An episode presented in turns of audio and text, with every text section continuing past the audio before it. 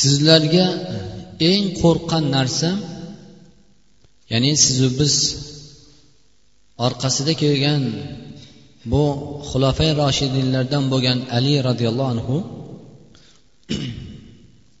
yoru birodarlariga shundoq xitob qilgan ekanlar. Ya'ni sizlar uchun eng qo'rqqan narsa bu ittibaul hava ya'ni havo nafsiga ergashishlik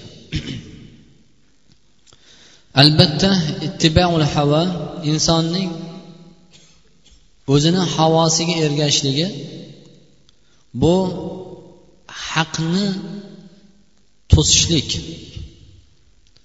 haqdan yuz o'girishlikka sabab bo'lar ekan. Undan keyin tulul amal ya'ni nisyanul mavt umidni uzoq qilishlik. Umidni uzoq qilishlik har bir inson sakson to'qsonga alloh subhana taolo bergan umriga saksonmi to'qsonmi yuzmi yoshi hamma farzandlarini uylab jaylab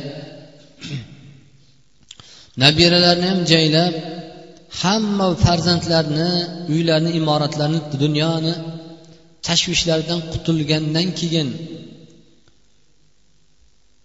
o'limni ana shunda keladi deb tasavvur qilishlik. Ya'ni umidni uzun qilishlik.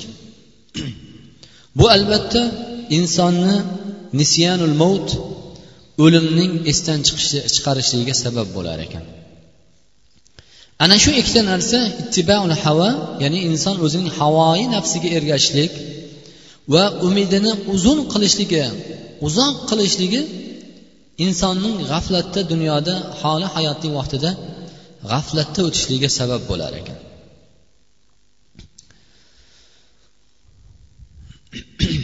Ittibaul havo demak bu insonni haq yo'ldan hidoyatdan dunyo oxiratini oxirat saodati allohni rahmatini olib beradigan yo'ldan chiqishligiga sabab ekan. Abu jahl payg'ambarimiz sollallohu alayhi vasallamni oldiga kelib ya muhammad inni a'lamu annaka sodiq ولكن إذا قال بنو هاشم منا نبي ماذا نقول deb aytgan ekanlar abu jahl payg'ambarimiz sollallohu alayhi vasallamni oldiga kelib ey muhammad men albatta men bilaman ya'ni yaxshi bilamanki albatta sen sodiqsan. Sen rost so'zlaysan. Ya'ni sen olib kelgan dining haq. Aytayotgan so'zlaring haq. Ya'ni yetim yesirlarga e, yordam qilishlik. Kambag'al miskinlarga xayr ehson qilishlik. Tijoratda savdoda xiyonat qilmasdan omonat qilishlik. Ahli ayoliga omonatdor haqqini ado qilishlik ayollarning o'z erlariga vafo qilishligi ularni xizmatida toatida bo'lishligi va har bir inson ota onasini xizmatini ado qilishligi ularni duolarini olishligi. Ota onadan ota onaga oq bo'lishlikdan saqlanishligi haqida olib kelgan hamma xabarlarini birodarlar bugungi kunda emas o'sha vaqtida muhammad sollallohu alayhi vasallam ashoblariga va insonlarga o'z og'zi bilan yetkazardilar ular bilardilar bu narsalar hammamiz uchun haq. Agarchi bu narsalarni biz qilolmasak ham lekin bu narsalar albatta juda yaxshi narsa. Bu sifatlar bilan sifatlangan insonlar hamma uchun bab barobar mahbub yaxshi ko'rilgan inson bo'ladi. Lekin abu jahl nima dedi? Lekin banu hoshim bizdan payg'ambar bizdan chiqdi deb aytadigan bo'lsa biz nima deymiz? Degan havosi mana shu narsa muhammad sollallohu alayhi vasallamga ergashishlikdan to'sqinlik bo'lgan ekan birodarlar. Mana shu narsa iymonga kirishligiga ya'ni to'siq bo'lgan ekan. Shuning uchun birodarlar ittibaul havo insonning qaysi bir inson o'zini havosiga o'zini nafsiga ergashdimi albatta bu inson zalolatga va halokatga ketadi. Va alloh subhana shuning uchun alloh subhana taolo albatta ular sizni yolg'onchi demaydilar. Ya'ni ular o'sha abu jahlni kofirlar mushriklar rasululloh sollallohu alayhi vasallamni xulqlari axloqlari muomalalarini ko'zlari bilan ko'rib u zotni naqadar amin ekanligiga omonatdor ekanligiga hayotida so'zida fe'l harakatlarida biron bir inson aziyat topadigan bir holat vujudga kelmagan edi. Shuning uchun alloh qur'oni karimda albatta ular sizni yolg'onchi demaydilar. Sizni o'zingizni yolg'onchi demaydilar. Lekin ollohning oyatini ollohning dinini ular yolg'on deydilar deb olloh oyatni nozil qildi. Demak o'tgangi jumamizda ixtisor qilib ketadigan zikr alloh subhanava taoloning bir katta bir rahmati ne'mati. Hammalarimiz kichkina bir a'zoyimiz. Tanamizdagi shuncha bir katta bir jasadni ichida eng kichkina bir a'zoyimizni alloh subhanava taolo sizlarga ya'ni qalbimizni xotirjam bo'lishlik uchun ya'ni iymonlarimizni ziyoda qiladigan amallarimizni isloh qiladigan a'zo qilib berdi. Agar bu mas'uliyatni oyoqqa yuklaganda birodarlar oyoq yurishdan to'xtab qolardi. Hayotimizda juda ko'p bizlar istagan qiladigan narsalarni qilolmasdik agar olloh bu mas'uliyatni qo'lga yuklaganda birodarlar qo'l ham bu narsadan ojiz qolardi. Ko'p ne'matlardan va ko'p amallarimizdan ishlarimizdan birodarlar ojiz qolgan bo'lardik. Lekin alloh subhana taolo nima? Bu amalni ana shu kichkinagina bir a'zoga mas'ul qildi. Bu nima? Bu zikr. Ala bi zikrillah tatmainnul qulub. Alloh subhanava taolo ala bi zikrillah tatmainnul qulub. Ya'ni ollohning zikri bilan qalblar xotirjam bo'lmaydimi dedilar. Albatta shaksiz va shubhasiz birodarlar har bir insonni qalbi nima? Zikr bilan xotirjam bo'ladi. Iymonlar ziyoda bo'ladi. Qalblar isloh bo'ladi. Bu nima? Zikr birodarlar. Shuning uchun bu tilni har kuni imom termiziy rahmatullohi alayhi allohu alam o'zini rivoyat qilgan hadislarida til ertalab har birimizni tillarimiz butun a'zoyimizga xitob qilar ekan. Ya'ni butun a'zolari insonning a'zolari tilga shundoq xitob qilar ekan. Ey til! Sen to'g'ri so'zlagin. Ya'ni g'iybat behuda befoyda so'zdan saqlangin noloyiq so'zdan saqlangin agar sen to'g'ri bo'ladigan bo'lsang biz ham to'g'ri bo'lamiz. Agar sen noto'g'ri bo'ladigan bo'lsang yolg'on so'zlaydigan bo'lsang yoki bo'xton gunoh so'zlarni so'zlaydigan gapiradigan bo'lsang biz ham o'sha gunohlarga ketamiz degan ekan deb aytar ekan. Bu rasululloh sollallohu alayhi vasallamdan kelgan hadis imom termiziy rahmatullohi alayhi rivoyat qilgan hadis birodarlar. Albatta bugungi mavzuyimiz bid'at masalasida alloh subhanava taolo ko'p oyatlarda yunus surasi yigirma ikkinchi oyatida va anam surasini o'ttiz sakkizinchi oyati va undan keyin niso surasi ellik to'qqizinchi oyatida va anam surasini bir yuz ellik uchinchi oyatida va anna hada siroti mustaqima fattabi'uhu va la tattabi'us subul fatafarraqa bikum an sabilihi va ali imron surasini o'ttiz birinchi oyatida qul in kuntum tuhibbunalloh fattabi'uni yuhibbukumulloh va yaghfir lakum zunubakum demak alloh subhanava taolo ushbu oyatlarda sizu bizlarni bid'at amallardan qaytardi va amallarimizda yangilik qilayotgan ibodatlarimizda yangilik narsalarni olib kirishlikdan alloh subhana taolo qattiq sizu bizlarni nahiy qilib qaytardi. Demak avvalo bid'at nima? Bilishimiz kerak. Bid'at bu yangilik lug'aviy ma'nosi ya'ni tilda bid'at bu yangilik narsa. Bir inson hayotda masalan odamlar o'rtasida yo'q narsa bir yangilik bir odatni yoki bir narsa yaratadigan bo'lsa bu odam ya'ni mubtadi o'sha yangilikni yaratuvchi bo'ladi. Alloh subhana taolo o'zini sifati val ard ya'ni alloh subhana taolo osmonlarni va yerni yaratuvchi ya'ni bu osmon yerlar yo'q edi ana shu yaratuvchi zot val ard kim alloh subhanava taolo bu lug'aviy ma'nosi shar'iy ma'nosi كل من تعبد لله سبحانه وتعالى بغير ما شرع عقيدة بغير ما شرع عقيدة أو قولا أو فعلا فمن تعبد لله بغير ما شرعه الله من عقيدة أو قول أو فعل فهو مبتدع shar'an ya'ni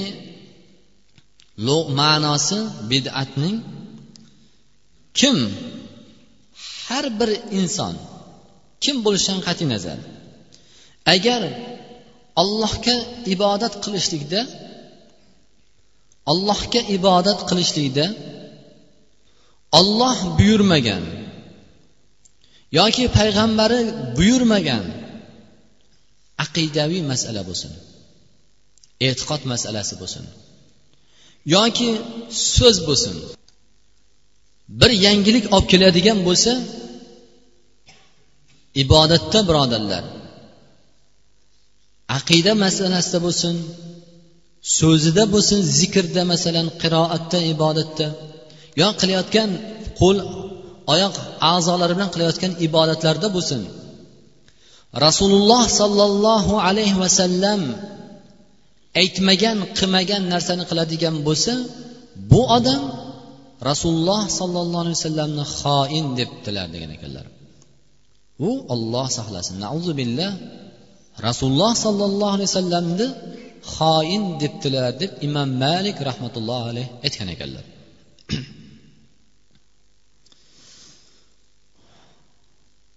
Demak alloh subhanava taolo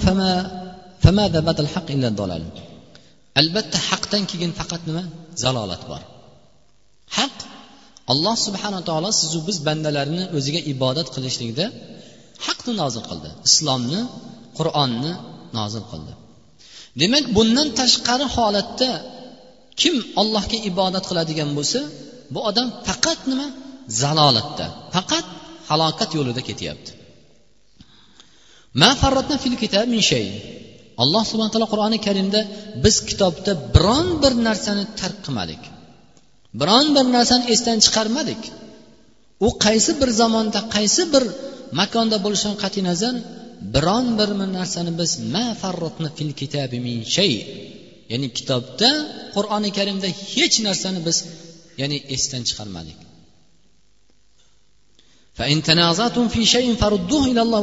Agar sizlar biron bir masalada tortishadigan bo'lsalaring bir nizoga borib qoladigan bo'lsalaring allohga va rasuliga qaytinglar dedi. albatta mana bu yo'l to'g'ri yo'l. bunga ergashinglar. bundan boshqa yo'llarga ergashmanglar. Kim agar bundan boshqa yo'lga ergashadigan bo'lsa albatta ollohning yo'lidan boshqa yo'llarga firqa firqalarga bo'linib ketadi dedilar. Va qul in kuntum ayting ey muhammad agar sizlar ollohni yaxshi ko'radigan bo'lsalaring fattabiuni menga ergashinglar deb aytinglar. Ya'ni agar sizlar ollohni yaxshi ko'raman deb aytadigan bo'lsalaring manga ergashinglar deb ayting ularga. Ana undan keyin sizlar allohni muhabbatini topasizlar. Va lakum alloh sizlarni gunohlaringni mag'firat qiladi. Zunubakum va lakum zunubakum. Ushbu oyat nozil bo'lishda sahobalar payg'ambarimiz sollallohu alayhi vasallamni oldilariga huzurlariga kelib yo rasululloh ey rasululloh biz ollohni juda yaxshi ko'ramiz degan ekan. Allohni judayam yaxshi ko'ramiz. Allohga muhabbat qilamiz. Xuddi sizu biz ham ollohni yaxshi ko'ramiz aytamiz. To'g'rimi? Hammamiz aytamiz alhamdulillah men ollohni nihoyatda yaxshi ko'raman. Sahobalar ham ushbu davoni qilishib payg'ambarimizni huzurlariga keldilar. Ya rasululloh biz ollohni yaxshi ko'ramiz. Hamma narsadan biz ollohni yaxshi ko'ramiz dedi shunda ularning davolarini isbotlaydigan haqiqatan ham ollohni yaxshi ko'radigan muhabbati haqmi nohaqligiga olloh katta bir dalil to qiyomatgacha keladigan sahobalar ham va u zotni ummatlariga qiyomatgacha keladigan ummatlariga eng katta haqiqiy mezonni bo'ladigan oyat nozil qildi. Bu oyat birodarlar qul in kuntum tuhibbunalloh. Ayting ey muhammad agar ularning davolari haq bo'ladigan bo'lsa ollohni yaxshi ko'ramiz deb aytadigan bo'lsa fattabiuni menga ergashinglar. Ya'ni hayotlaringda qilayotgan ibodatlaringda hayotlaringda menga ergashinglar. Ana undan keyin nima qilinadi? Ollohni muhabbatini topasizlar. Agar sizlar ollohni yaxshi ko'ramiz deb ollohning kitobiga qur'onga ergashsalaringu lekin rasulimni sunnatiga ergashmaydigan bo'lsalaring sizlar yaxshi ko'rmabsizlar dedi. Chunki fattabiuni ayting menga ergashinglar deb ayting deb birodarlar bu payg'ambarimiz so'zlari emas. Alloh subhanava taolo qur'oni karimda oli imron surasini o'ttiz birinchi oyatini nozil qildi. Fattabiuni menga ergashinglar deb ayting. Ana ularni muhabbatini o'lchaydigan mezon mana shu oyat ekan birodarlar. Har bir insonni ham. Demak bid'at deganda endi yaxshi bilmoqimiz kerakki ba'zi bir odamlar bid'at ekan deb turib juda hamma narsani bid'at deyveradi. Payg'ambarimiz sallallohu alayhi vasallam qoshiqda ovqat yemaganlar bu ham bid'at. Payg'ambarimiz sallallohu alayhi vasallam masalan stol ustida o'tirmagan bu ham bid'at. Ya'ni payg'ambarimiz sallallohu alayhi vasallam undoq qilmaganlar bu ham bid'at. Yo'q birodarlar. Bid'at ibodat masalasida.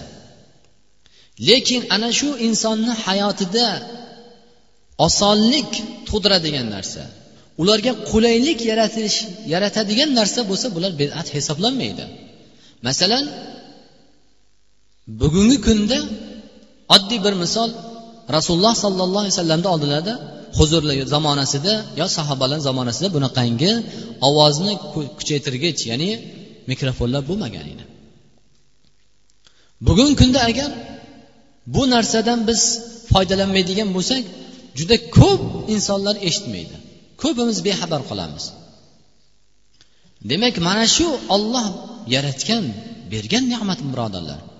Demak mana shuni ham yaxshi so'zlarni yaxshi gaplarni insonlarga yetkazishlik uchun ishlatiladigan bo'lsa birodarlar bu hech qandoq bir gunoh yo bidat deyilmaydi. Bu qaytanga sizu bizlarga olloh bergan bir ollohning rahmati ollohning ne'mati sanaymiz. Xuddi shuningdek mashinalarni ham. Lekin birovga olloh mashina bersa buni halol yo'lga ahli ayolini boqishlik uchun ota onasini xizmatini qilish uchun yoki yori birodarlar ziyorat qilib bir halol pokiza yo'lga minadigan bo'lsa bu birodarlar ollohni bir ne'mati hisoblanadi. Bu payg'ambarimiz zamonasida bo'lmagan tuya eshik ot bo'lgan bu bidat degan narsa birodarlar bu ketmaydi bunaqa joyda. Qachonki o'sha mashinani gunoh yo'lga minadigan bo'lsa endi bu odam ollohni ne'matini isrof qilibdi endi gunohkor bo'ladi. Shuning uchun mubtadi odam birodarlar juda katta bir halokatga o'zini zalokat zalolatga tashlagan bo'ladi. Bular nima? Birinchisi avvalo yangilik ibodatda yo'q narsani olib keladigan bo'lsa bu odam zalolatdadir. Chunki qur'oni karimda alloh subhana taolo nima? Haqdan keyin inson agar haq qur'on va sunnatga muvofiq ergashib ibodat qilmadimi bu odam faqat zalolatda bo'ladi. Va payg'ambarimiz sollallohu alayhi vasallam kulli bid'atin dolala har qanday bid'at yangilik zalolatdir. Va zalolat nima? Insonni halokatga jahannamga olib boradigan narsa. Har bir mo'min demak duo qilamiz namozlarimizni o'qiymiz allohdan so'raymiz. Zalolatga ketgan allohni g'azabiga uchragan qavmda bo'lmasligini qilmasligini allohdan so'rab duo qilamiz birodarlar. Ehdina sirotal mustaqim. Ey parvardigoro bizlarni mustaqim to'g'ri yo'lda to'g'ri yo'lga hidoyatlagin. O'zing rozi bo'lgan yo'lda bizlarni hidoyatlagin. Nima u yo'l? An'amta alayhim. Ya'ni ularni ne'matlantirgan ya'ni sen o'sha haq yo'lni ne'matlantirgan bandalaringni yo'lida bizlarni hidoyatlagin deb so'raymiz. Kim ular?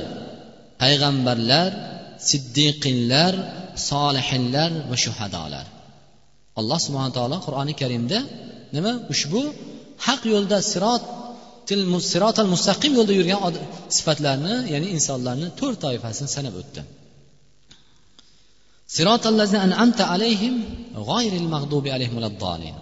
Ya'ni ollohni g'azabiga uchramagan va zalolatda bo'lmagan qavmlarni qavmlarning yo'lidan ollohdan panoh so'rib har kuni allohdan panoh so'raymiz. Nechi marotabadan har bir rakatimizda fotiha surasini o'qiymiz. Birodarlar ana shunda allohdan mana shu sirotil mustaqim haq yo'lni so'raymiz. Endi inson haq yo'lni so'rab turib endi zalolatga ketsa zalolatga ketgan adashgan qavmdan panoh so'rab ularni yo'lidan panoh so'rab turib duo qilib allohga ibodat qilsayu lekin o'zi yana zalolatga ketsa. Bu qandoq? Bu aytgan so'ziga amal qilmaslik bo'ladi. Undan keyin ikkinchidan nabiy sollallohu alayhi vasallam. Demak bid'atda yurishlik insonni rasululloh sollallohu alayhi vasallamni yo'lidan chiqishlik bo'ladi. Chunki yuqorida aytganimizdek qul in kuntum tuhibbunalloh agar ollohni yaxshi ko'radigan bo'lsanglar menga ergashinglar degan oyatdan chiqib ketgan bo'lamiz. Biz bid'at olib keladigan bo'lsak. Uchinchidan bu odam bid'atchi odam o'zi guvohlik keltirgan ya'ni ashhadu an la ilaha illalloh va ashhadu anna muhammadan abduhu va rasuluh. Albatta guvohlik beraman ollohdan boshqa iloh yo'q. Va albatta muhammad ollohning quli va uning elchisidir payg'ambaridir degan guvohligiga o'zi qarshi chiqyapti. O'zi aytyapti va yana men ollohga iymon guvohlik keltirdim iymon keltirdim. Payg'ambariga muhammad sallallohu alayhi vasallamga iymon keltirdim. Bu ollohni payg'ambari deb o'zi tili bilan iqror bo'lib turib lekin bid'at yo'lga kirgandan keyin nima? Bu odam o'zi qarshi chiqyapti. O'zini aytgan so'ziga o'zi qarshi chiqyapti. Undan keyin bid'at birodarlar bu islomga tan ya'ni islomga katta bir jarohat yetkazishlik. Islomga katta bir zarar yetkazadi. Kim? Bid'at amalni olib kelsa. Chunki alloh subhanava taolo qur'oni karimda al yawma akmaltu lakum dinakum va atmantu alaykum ni'mati va raditu lakum islama dina. Bugun sizlarga dinlaringizni komil qilib berdim. Sizlarga bergan ne'matim islom dini nima? Komil tamom nihoyasi yetdi. Komil bo'ldi. To qiyomatgacha bu din komil bo'ldi. Va sizlarga islom dinini din qilib berganimdan rozi bo'ldim deb alloh subhana taolo nima? Qur'oni karimda moida surasi uchinchi oyatida xabar berdi. Demak ana shu yo'q narsani olib keldimi? Qur'onda sunnatda yo'q holatni olib keldimi ibodat qildimi? Demak endi bu odam nima? Muftadiy bo'ladi. Va dinini komil emas bu din. Bu noqis. Xuddi bu din shaytib bilmay esdan chiqib qolgan alloh subhana taoloni yoki payg'ambarimiz sallallohu alayhi vasallam o'sha aytmagan men bildim men topdim degan bo'ladi. Bundan katta birodar birodarlar zalolat va inson uchun halokat bo'lmaydi. Beshinchisi ya'ni bu yana dinga emas faqat payg'ambarimiz sollallohu alayhi vasallamga ham katta bir taom bo'ladi jarohatlash bo'ladi u zotni ham. U zotni ham noqis ya'ni bu zot shatini bilmagan johil payg'ambarimiz sallallohu alayhi vasallam men bildim yoki bilgan bo'lsalar kitman ilm ya'ni bu yerda bizga aytmaganlar xiyonat qilganlar degani bo'lar ekan. Oltinchidan islom ummatini tafriqaga olib keladigan narsa. Bid'at bu ummatni tafriqaga olib keladigan narsa. Guruh guruhlarga bo'lib yuboradigan narsa. Kim agar ana shu qur'on va sunnat undan keyin birodarlar bu degani qur'on va sunnatga ergashaman deb turib ba'zi bir yoshlar qur'onda hadisda nima kelgan bo'lsa shu narsa oladi. U keyin olimlar aytgan ulamolar aytgan narsani ya bular biz qur'onga ergashamiz sunnatga ergashamiz deyishadi. Yo'q bu degani birodarlar ulamolarga ergashmanglar degani emas. Bizni aqllarimiz yetmagan bizni fahmlarimiz yetmagan narsalarni taqvolik zuhudda taqvoda mustahkam bo'lgan insonlar fahmni alloh subhana taolo ularga nima? Fahmlarni ziyoda qilib bizlarga oson qilib berdi. Bizlar tushunmagan oyatlarni hadislarni tafsir qilib sharh qilib hadislarni olloh ular bizlarga yetkazdi.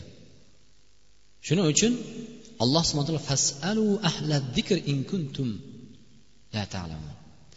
Ahli zikrlardan so'ranglar agar sizlar bilmasalaring deb alloh subhana taolo buyurdi. Faqat sizlar qur'onga sunnatga demadi. Ana shu qur'onni va sunnatni yaxshi bilgan saodat asrida yashab o'tgan mushtahid ulamolarimiz taqvoli ulamolarimiz olimlarimizni so'zlariga amallariga ularni ergashib ulardan eshitib so'rashga buyurdi alloh subhana taolo. Agar sizlar bilmaydigan bo'lsa ahli zikr o'shani biladigan olimlardan so'ranglar deb alloh subhana taolo buyurdi.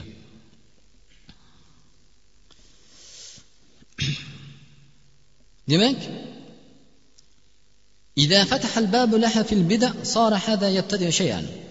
demak bid'atga agar yo'l ochiq eshik ochiladigan bo'lsa nima uchun?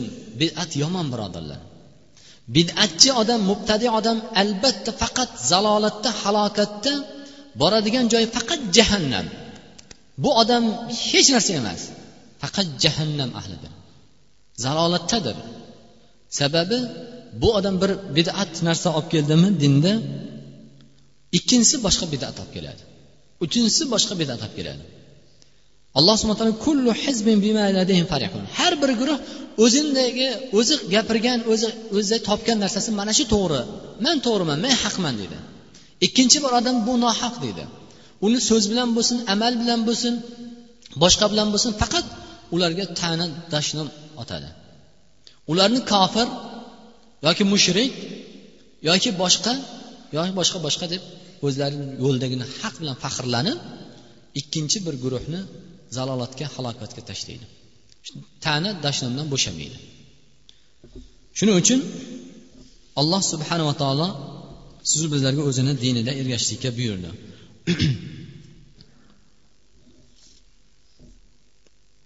Hozirgi kunda masalan bid'at amal qilayotgan odam ey birodar bu qilayotgan ibodatingiz noto'g'ri. Payg'ambarimiz sallallohu alayhi vasallam masalan yigirma qirqni qilmaganlar bu buyurilmagan. Deydigan bo'lsa bu deydi boshqa deydi san qayerdan bilasan? deydi man o'zim bilaman. Birodarlar o'zimiz bilamiz. Qachon? Qur'onga sunnatga muvofiq bilsak va olimlarimizni yaxshi muttaqin yaxshi bilgan olimlarni so'zlarini biladigan bo'lsak ana undan keyin ibodatlarimiz to'g'ri bo'lar ekan. Agar ulardan so'ramaydigan bo'lsak eshitmagan bo'lsak bilmaydigan bo'lsak birodarlar agar shu narsa haq bo'lsa ham to'g'ri bo'lsa ham o'sha narsani qilgan odam gunohkor bo'ladi. Agar qilayotgan amalini hujjatini bilmasa ham eshitmagan bo'lsa ham lekin shu narsa mabodo qur'onga va sunnatga to'g'ri bo'lib chiqsa ham bu odam gunohkor bo'ladi degan.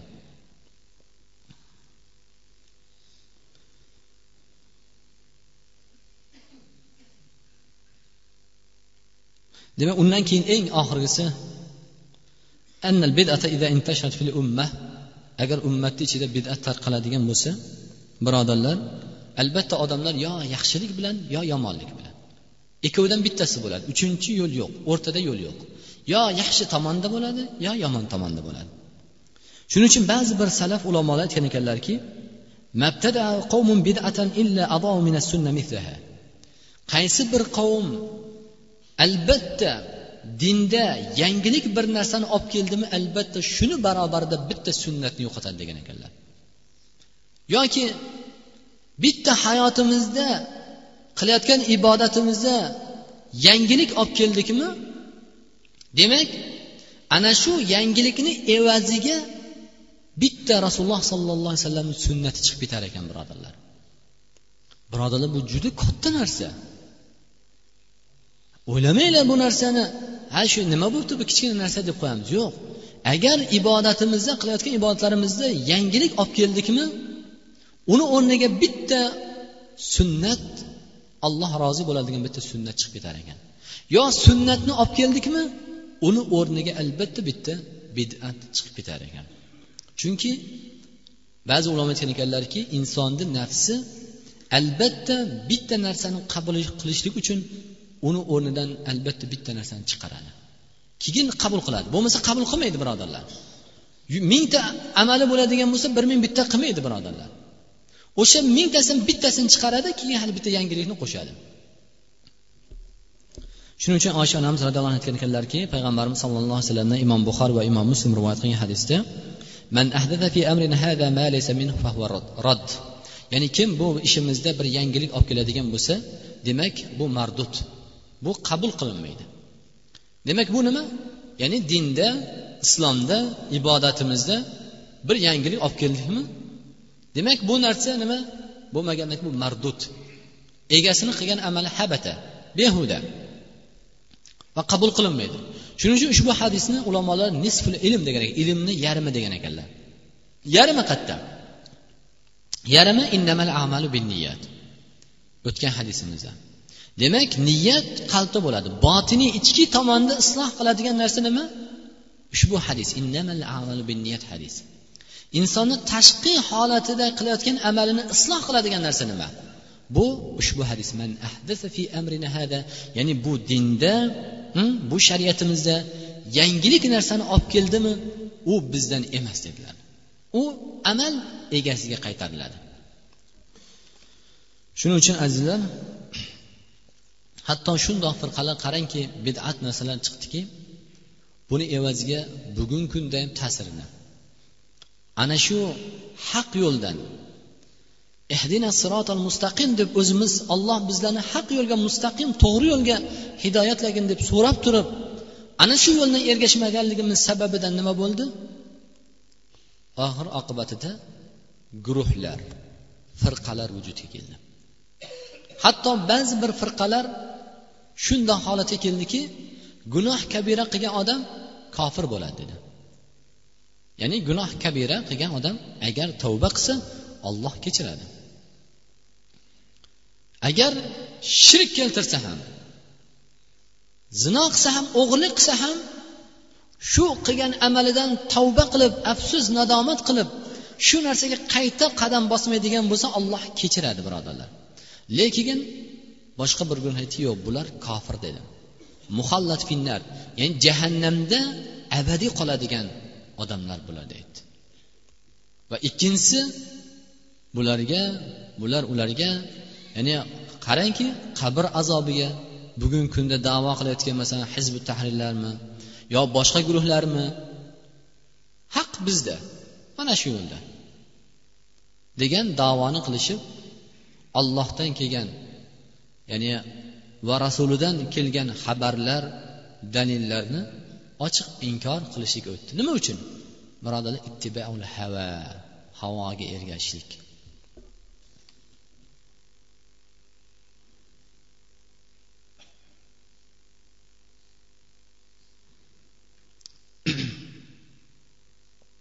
Ayollar mozorni ziyorat qilish mumkinmi?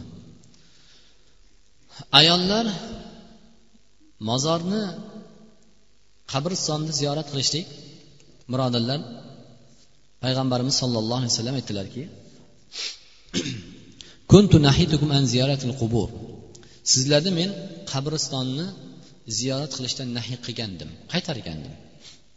Fazuruha fa innaha tuzakkirul axira ziyorat qilinglar qabristonni albatta bu sizlarga oxiratni eslatadi. Dedi ya'ni sizlar ibratlanasizlar dedi. Qabristonni ziyorat qilishlikda har bir inson kim bo'lishidan qat'iy nazar qabristonni ziyorat qilgan vaqtida birodarlar aytga borib ustini chopib kelishligi shu olib kelishiga gul ekib kelishligi emas birodarlar.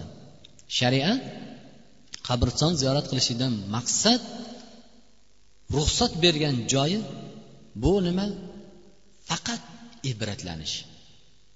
O'sha chiqib qabristonga qadam bosib ketayotgan odam niyati bilan olloh bu joyga borib ibrat qilgin manga ibratlanish bu yerda yotgan boylar kambag'allar bechora yetim yesir sog'lom baquvvat mayib majruhlar. Qanaqa toifada hamma insoniyat olloh nasib qilgan bo'lsa o'sha yerda yotibdi. Nimaga erishdi ular? Ularni ahvolini ko'rib ibratlanishlik uchun bo'lsa. Ana undan keyin ba'zi bir ulamolar muhaddis ulamolar rivoyat qilgan.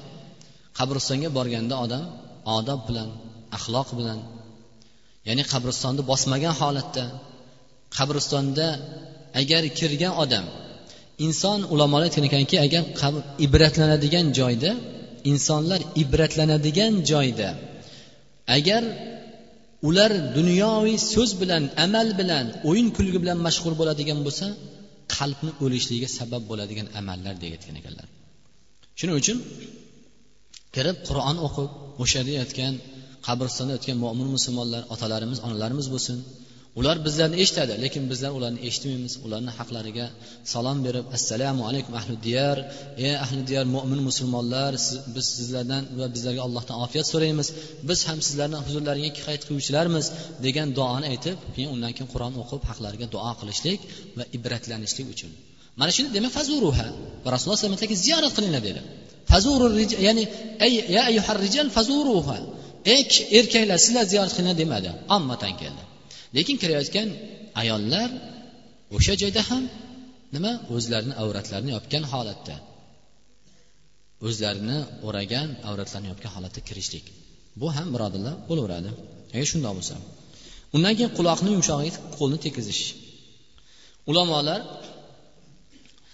o'zimizni eng yaxshi ya'ni imom abu hanifa rahmatullohi alayhi mazhablarda mo'tamad kitoblardan quduriy masalan boshqa hidoya kitoblarida ya'ni ba'zi biron bir joyda quloqqa tekkizishlik rasululloh sollallohu alayhi vasallamdan hadis kelgan hadisda quloqqa tekkizishlik kerak degan joy keltirmagan.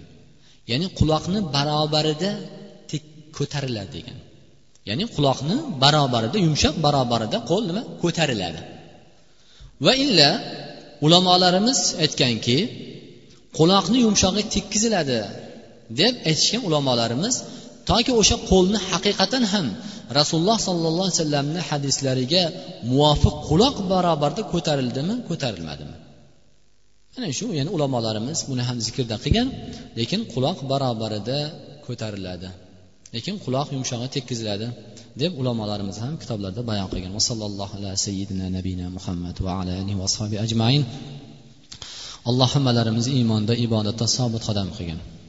Va parvardigora bizlarni o'zingda haq yo'llaringda sobit qilgin. Sendan parvardigora ehdina sirotol mustaqim deb duo qilamiz iltijo qilamiz. Bizlarni holi hayotiy vaqtimizda ana shu mustaqim yo'lda istiqomat qilishga alloh bizlarga tavfiq bergin. Ahllarimizga ham farzandlarimizga ham zurriyotlarimizga ham yoru birodarlarimizga ham alloh nasib aylagin. Seni kalomingda rasulingni hadisini eshitib o'zing rozi bo'lgan holatda tushunadigan fahm qiladigan bandalardan bo'lishga alloh bizlarga muyassar qilgin.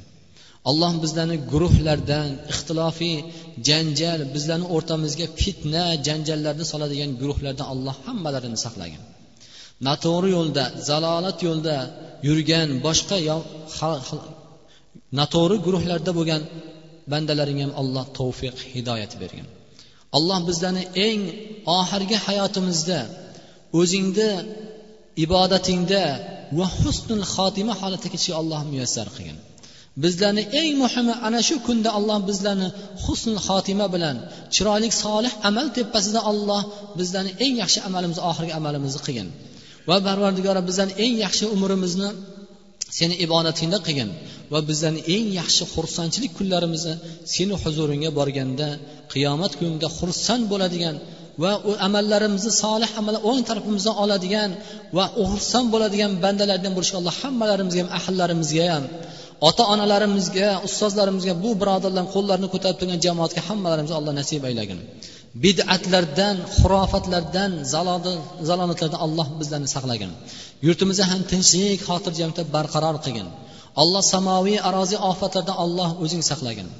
Alloh bizlarni bu hayo holi hayotli vaqtimizda balolardan fitnalardan alloh ibratlanadigan qabristonga borib ziyorat qiladigan va u yerda ibratlanadigan bir birlarini mehr muhabbatli bo'lib solih amallarga qiladigan bandalarni inshaalloh muyassar qilgin. Rahbarlarimizni ham xayrli shar'iy ishlarga alloh rivoj bergin. Allohma ya muqallibal qulub sabbit qulubana ala dinik. Allohma ya musarrifal qulub sarrif qulubana ala taatik. Va sallallohu ala sayyidina nabiyina muhammad bi rahmatika ya rahmanir rohim